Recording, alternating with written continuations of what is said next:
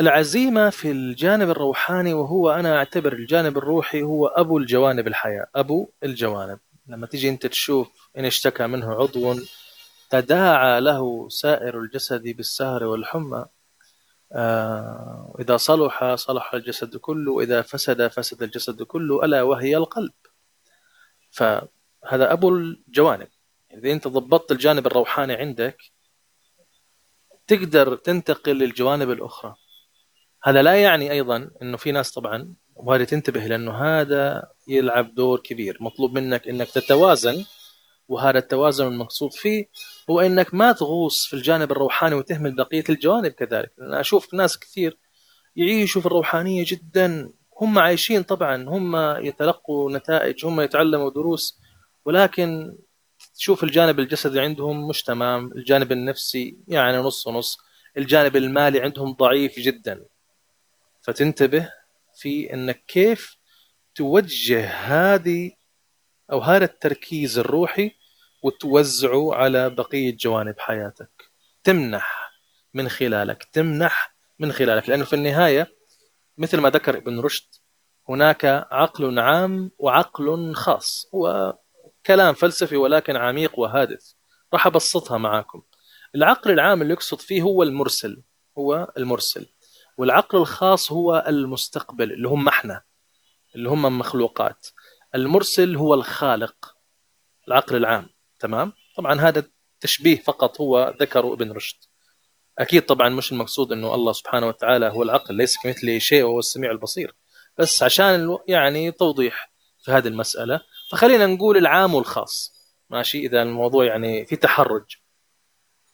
فالعام هو اللي يرسل هو المصدر. قاعد يرسل لك يرسل لك يرسل لك ففي طاقة بتجيك انرجي وبالتالي أنت الخاص أنت اللي بتستقبل.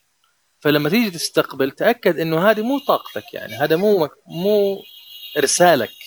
مش أنت اللي أرسلت لنفسك. وبالتالي أنت تحول توجه بالتركيز. يعني جاتك آه، آه، إلهامات روحانية مثلا. إلهامات أعطتك فكرة معينة تسوي شيء معين. حان وقت التوجيه. دوت اشتغل. افعل شيء. لأنه الفعل هو الذي يفهم النظام الكوني. وما يفهم تفكيرك. ما يفهم إنه والله أنا بسوي هذا الشيء بعمل هذا الشيء. دون أن تفعل. اثبت بالفعل. عشان كذا آه، مثلا في الحديث داووا مرضاكم بالصدقة. داووا مرضاكم بالصدقة. طب إيش دخل العلاج المرضي بان أنا أتصدق؟ ما ما العلاقة؟ العلاقة هي الفعل. إثبات إنك أنت فعلا تريد أن تتعافى. كيف أتعافى؟ إن أنا أعطي من طاقتي أنا اللي هي موجودة بداخلي مش طاقتي طبعا الطاقة الموضوع موضوعه بداخلي أوجهها للآخر بالعطاء. من خلال إيش؟ من خلال حاجة ملموسة. إيش اللي يترجم هذا الشيء؟ الحب اللي منك لما تطلع حاجة من جيبك أو تطلع حاجة موجودة في البيت أو حتى تستعمل سيارتك وتخ... يعني تسخرها لتوصيل مشوار اثنين ثلاثة دون أن تتقاضى مقابل منها هو من باب الحب. ممكن آه إنك أنت يكون بيتك فيه استضافة لشخص ما عنده بيت تسانده كذا إذا استطعت يعني. مش بالضروره يكون مال ممكن مم أصول أنت موجودة معك في بيتك في حياتك. هذه الأصول ممكن تعيد استثمارها بالعطاء تكرر العطاء فيها. هذه الطريقة هي تثبت أنك أنت تريد هذا الشيء. عشان كذا ما نقص مال من صدقة ابدا. وهذه العملية يفهمها من يمارس الفعل وبما بما ترسله يعود إليك يعني. ما ترسله يعود إليك. فالعزيمة هنا أن يكون لديك إرادة مؤكدة بأنك أنت تعيش الحياة التي تريد بأنك أنت تاخذ بالك أنه كل شيء أنت حصلت عليه أو حصلت عليه أنت في النهاية هذا الشيء مش أنت اللي حققته. وإنما أنت استطعت أن توجه التركيز واستمريت. يعني عندك التركيز وعندك الاستمرارية. وهذول الاثنين لن يكونوا موجودين إذا ما عندك إرادة مؤكدة. يعني ما عندك عزيمة. وعشان كده فإذا عزمت فتوكل على الله. التوكل على الله هنا في ميزة عظيمة جدا يجهلها كثير من الناس.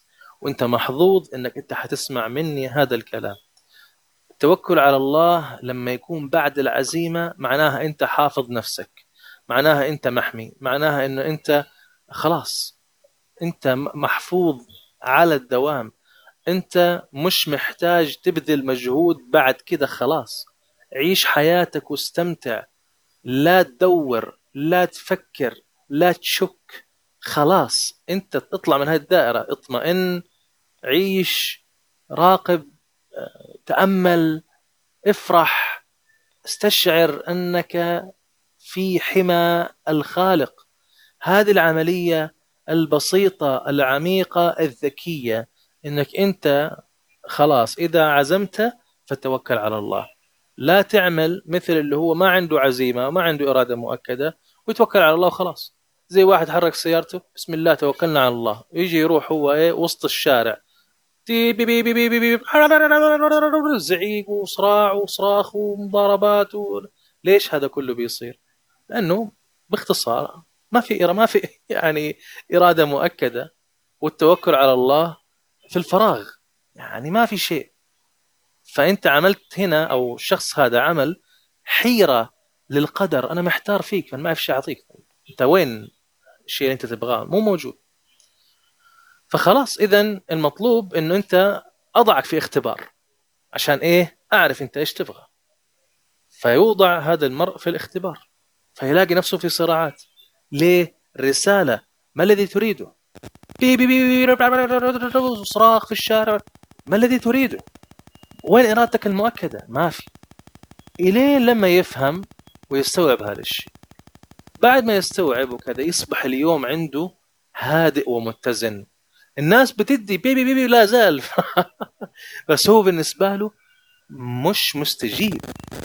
وهذه عن تجربتي الشخصية قاعد أتكلم يعني. أنا اليوم لما مثلا أسوق سيارتي إذا يعني حاب أقود سيارة آه، أو إن أنا أركب مواصلات ما أستجيب للدوشة اللي حولي. أعتبر نفسي كأني قاعد لوحدي. ليه طيب؟ لأني أنا عندي هدف. عندي إرادة مؤكدة. أنا رايح وأكون مستعد بمشاعري بنفسيتي أنا رايح أعمل الشيء. لما يكون أنا مثلا حاليا قاعد أسجل مقطع صوتي أنا متهيئ ومستعد من أجل أن أنا أعطيك مقطع صوتي.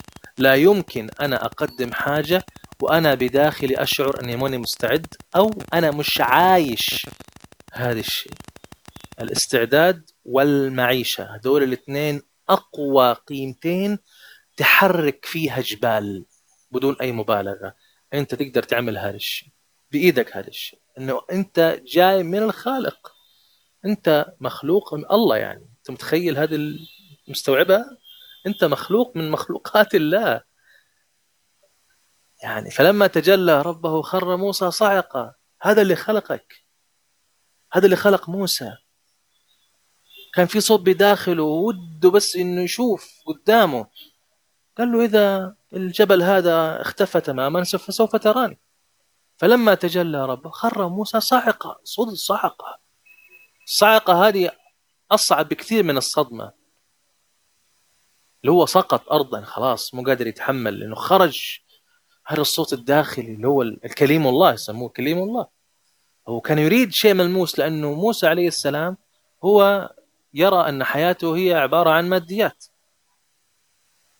ألقي عصاك فإذا هي ثعبان مبين. أدخل يدك في جيبك تخرج بيضاء من غير السوء. حتى لما تعرف على الله تعرف على الله من خلال النار. لعلي أقتبس. بدأ يسمع صوت بداخله. هذا كمان شيء ملموس بالداخل. ملموسات داخلية هذه.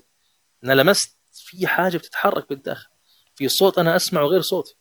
هذا الصوت يطمئن صوت آه، آه، ما في له يعني تفسيرات.